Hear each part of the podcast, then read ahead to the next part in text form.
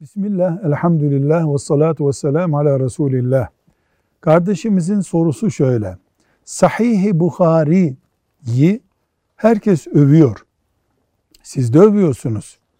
Yani Sahih-i Bukhari'nin kapağını açınca biz son sayfasına kadar olan her şey Resulullah sallallahu aleyhi ve sellemin sözleridir, garantidir, hiçbir eksik yoktur, yanlış yoktur diye inanmak mı gerekiyor? sormuş.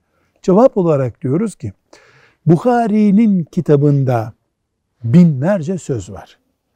Bunlardan bir kısmı Bukhari'nin başlık olarak kullandığı şeylerdir. Bir kısmı diyorlar ki diye kullandığı şeylerdir.